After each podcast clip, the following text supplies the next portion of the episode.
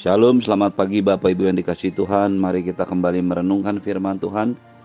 Pagi hari ini diambil dari Mazmur pasal 60 ayat yang pertama sampai dengan ayat yang ke-14. Mazmur pasal 60 ayat yang pertama sampai dengan ayat ke-14. Untuk pemimpin biduan, menurut lagu Bunga Bakung Kesaksian, Miktam dari Daud untuk diajarkan. Ketika ia memerangi orang Aram Mesopotamia dan orang Aram Zoba, dan ketika Yoab pada waktu pulang telah memukul kala 12 ribu orang Edom di lembah Asin. Ya Allah, Engkau telah membuang kami, menembus pertahanan kami. Engkau telah murka, pulihkanlah kami. Engkau telah menggoncangkan bumi dan membelahnya. Perbaikilah retak-retaknya, sebab bumi telah goyang. Engkau telah membuat umatmu mengalami penderitaan yang berat. Engkau telah memberi kami minum anggur yang memusingkan. Pada mereka yang takut kepadamu telah kau berikan janji-janji, tanda untuk berlindung terhadap panah. Sela. Supaya terluput orang-orang yang kau cintai. Berikanlah keselamatan dengan tangan kananmu dan jawablah kami. Allah telah berfirman di tempat kudusnya. Aku hendak beria-ria. Aku hendak membagi-bagikan Sikem dan lembah Sukot hendak kukur. Punyaku Gilead dan punyakulah, punyakulah Manasye Efraim adalah pelindung kepalaku. Yehuda ialah tongkat kerajaanku. Moab ialah tempat pembasuhanku. Kepada Edom aku melemparkan kasutku. Karena Filistia aku bersorak-sorai. Siapakah yang akan membawa aku ke kota yang berkubu? Siapakah yang menuntun aku ke Edom? Bukankah engkau ya Allah telah membuang kami dan yang tidak maju ya Allah bersama-sama bala tentara kami? Berikanlah kepada kami pertolongan terhadap lawan, sebab sia-sia penyelamatan dari manusia. Dengan Allah akan kita lakukan perbuatan-perbuatan gagah perkasa, sebab ia sendiri akan menginjak-injak para lawan kita. Bapak Ibu yang dikasih Tuhan, setelah beberapa waktu lamanya kita membaca Mazmur-Mazmur yang dibuat oleh Daud ketika Daud sedang mengalami masa-masa yang sulit ketika Daud sedang mengalami tekanan, ketika Daud sedang terancam nyawanya ataupun sakit. Kita belajar bagaimana sikap Daud menghadapi semua yang terjadi dalam hidupnya. Maka pagi hari ini kita belajar dari sebuah mazmur yang dikarang juga oleh Daud ketika dia sedang menapak naik. Jalannya adalah jalan kemenangan. Hidupnya adalah hidup karena kehormatan dan kemenangan yang didapatkan dari Tuhan. Satu hal yang pertama kita bisa lihat bahwa kesalehan Daud tidak berubah, baik ketika ia sedang mengalami masa-masa yang sulit, ketika ia sedang mengalami tekanan-tekanan, bahkan hal-hal yang mungkin menyebabkan nyawanya terancam, maupun ketika ia sedang berjalan naik bersama-sama dengan Tuhan, menapaki karirnya, menapaki promosi Allah, ketika dia sedang mengalami kemenangan-kemenangan bersama-sama dengan Allah. Kesalehannya, kesungguhan hatinya, kebergantungan hidupnya kepada Tuhan tidaklah berubah. Bukankah ini menjadi sebuah pelajaran yang sangat luar biasa bagi kita? Mari kita renungkan baik-baik apa yang dituliskannya. Mazmur ini dibuat ketika Daud memerangi orang Aram Mesopotamia dan orang Aram Zoba. Ketika Yoab pada waktu pulang telah memukul kalah 12.000 orang Edom di lembah Asin. Ini adalah gambaran kemenangan demi kemenangan, kesuksesan-kesuksesan yang dialami oleh Daud. Bagaimana dia menghancurkan musuh-musuhnya. Memukul kalah 12.000 orang Edom di lembah Asin, memerangi orang Aram Mesopotamia dan orang Aram Zoba Orang Aram adalah orang-orang yang menjadi musuh bebuyutan dari orang Israel. Mereka adalah orang-orang yang punya kota yang kuat, punya tentara yang banyak. Tetapi Daud berhasil memerangi mereka.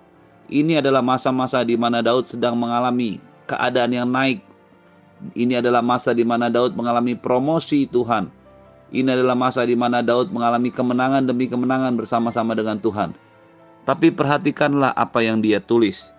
Ya Allah, engkau telah membuang kami menembus pertahanan kami. Engkau telah murka, pulihkanlah kami. Engkau telah menggoncangkan bumi dan membelahnya, perbaikilah retak-retaknya. Sebab bumi telah goyang. Engkau telah membuat umatmu mengalami penderitaan yang berat. Engkau telah memberi kami minum anggur yang memusingkan. Bapak Ibu yang dikasih Tuhan, ketika Daud sedang mengalami kemenangan, ketika Daud sedang berhasil dibawa Tuhan mengalami promosi dalam hidupnya, maka yang pertama diingat adalah keadaan ketika ia sedang mengalami tekanan ketika ia sedang mengalami kesusahan. Bukankah itu mengherankan? Tentu saja tidak.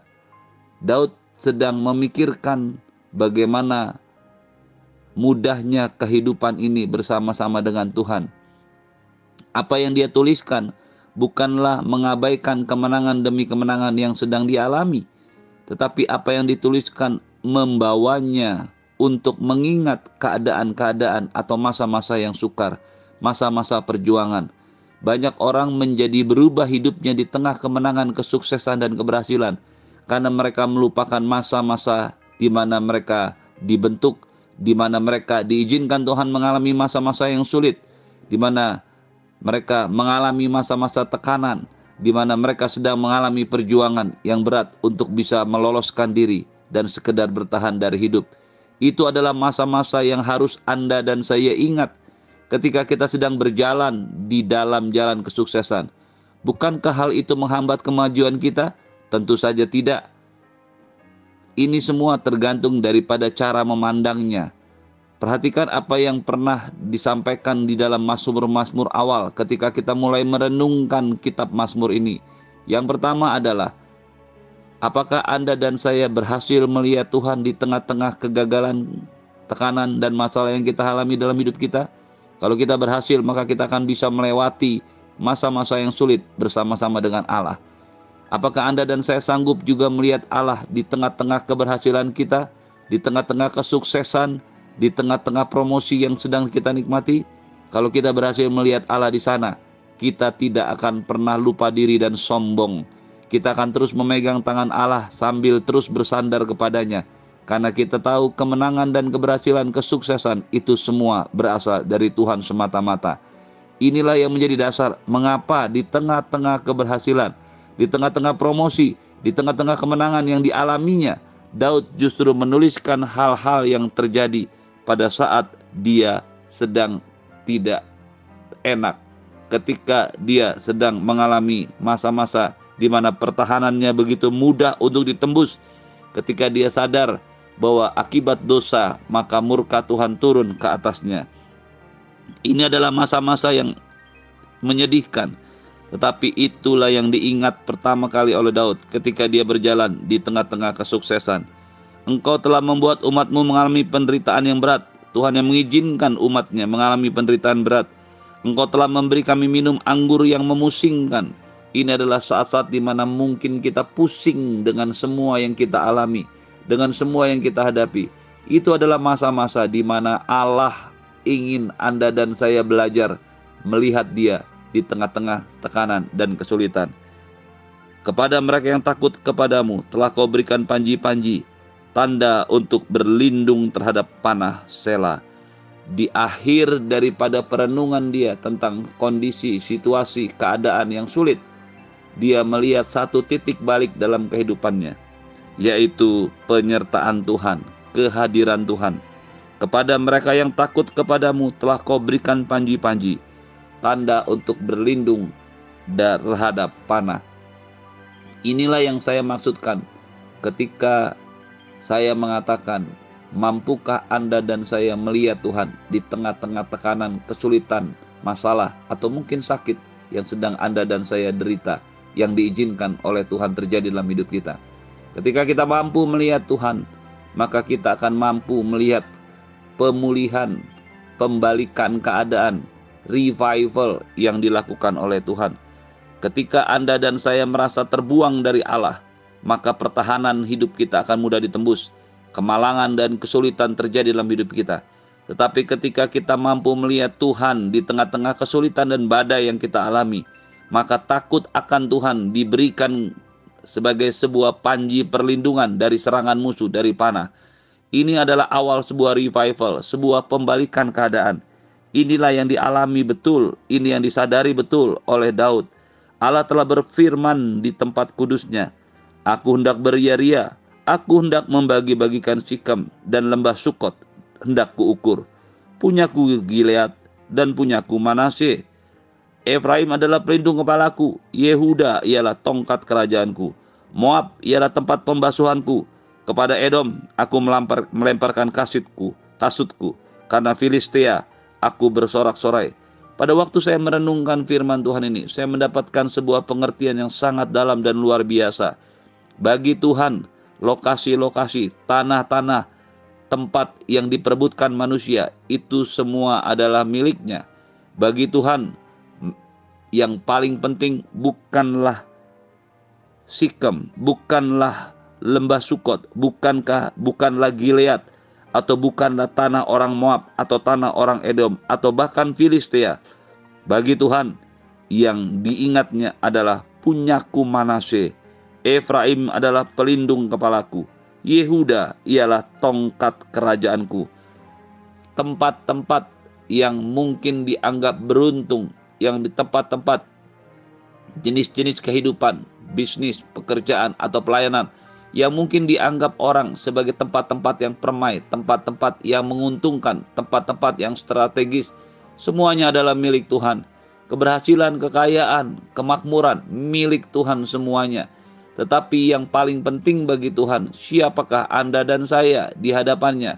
Apakah kita Efraim? Apakah kita Manasye? Atau kita adalah Yehuda yang menjadi tongkat kerajaannya? Berkali-kali firman Tuhan mengajarkan kepada kita bahwa fokus utama Tuhan dalam hidup umatnya ialah kita sendiri. Fokus utama Tuhan dalam hidupnya, dalam hidup ini adalah kita sebagai anak-anaknya. Apakah anda, anda dan saya adalah orang-orang Efraim, Manasye, yang merupakan keturunan Yusuf atau Yehuda yang meneruskan tongkat kerajaannya? Pembentukan Efraim, Manasye, dan Yehuda adalah fokus utama Tuhan dalam hidup ini. Allah berkeinginan memproses Anda dan saya. Jangan pernah memikirkan, jangan pernah fokus kepada lembah Sukot, jangan pernah fokus kepada lembah Sikem, jangan pernah fokus kepada tanah orang Moab atau tanah orang Edom, tempat-tempat yang permai, tempat-tempat yang dianggap menguntungkan. Mungkin kalau kita terapkan dalam hidup kita hari-hari ini, mungkin bisa jadi itu adalah bisnis-bisnis atau pekerjaan-pekerjaan yang dianggap strategis atau juga mungkin tempat-tempat pelayanan yang bagi kita adalah tempat yang menguntungkan. Tetapi fokuslah untuk menjadi Efraim, Manasye, dan Yehuda, suku-suku orang-orang Israel yang dibentuk, yang dipakai Tuhan. Fokuslah kepada diri kita, fokuslah kepada pembentukan karakter kita, fokuslah kepada keberadaan kita sebagai anak Allah yang Allah mau Anda dan saya menjadi serupa dan segambar dengan Dia, sehingga Tuhan Yesus menjadi yang sulung di antara banyak saudara. Ketika fokus Anda dan saya hanyalah kepada Tuhan, ketika fokus hidup kita hanyalah kepada kekekalan, maka semua yang fana yang dicari oleh bangsa-bangsa di dunia ini itu menjadi perkara yang mudah bagi Tuhan untuk memberikannya. Entahkah Tuhan hendak memberikan kepada kita lembah Sukot Apakah Tuhan hendak memberikan kepada kita Sikem yang hari ini menjadi Jerusalem? Ataukah Tuhan memberikan kepada kita tanah bangsa Edom atau bangsa Moab? Itu adalah bagian Tuhan.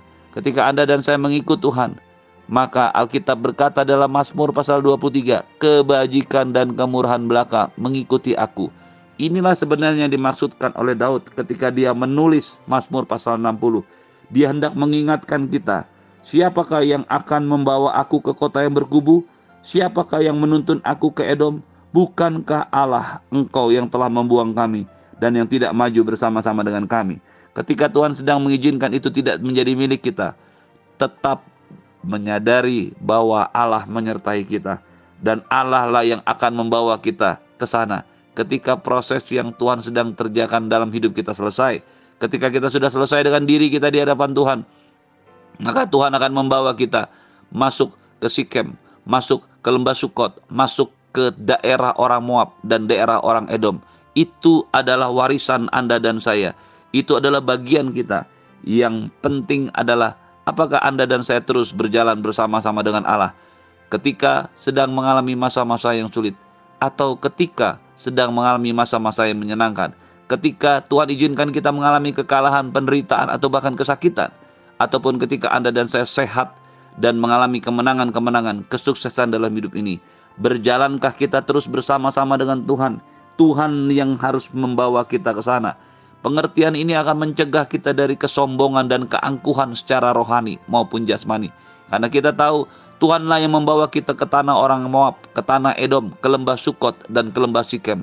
Tuhanlah yang membawa kita kepada keberhasilan, bukan karena kekuatan kita. Dengan Allah kita akan lakukan perbuatan-perbuatan yang gagah perkasa, sebab ia sendiri yang akan menginjak-injak musuh. Penyelamatan dari manusia adalah sia-sia, penyelamatan yang dari Tuhan adalah kekal dan dengan Tuhan kita bersama-sama akan melakukan perkara-perkara yang besar. Terimalah berkat yang berlimpah dari Bapa di surga, cinta kasih dari Tuhan Yesus, penyertaan yang sempurna daripada Roh Kudus, menyertai hidupmu hari ini dan sampai selama-lamanya.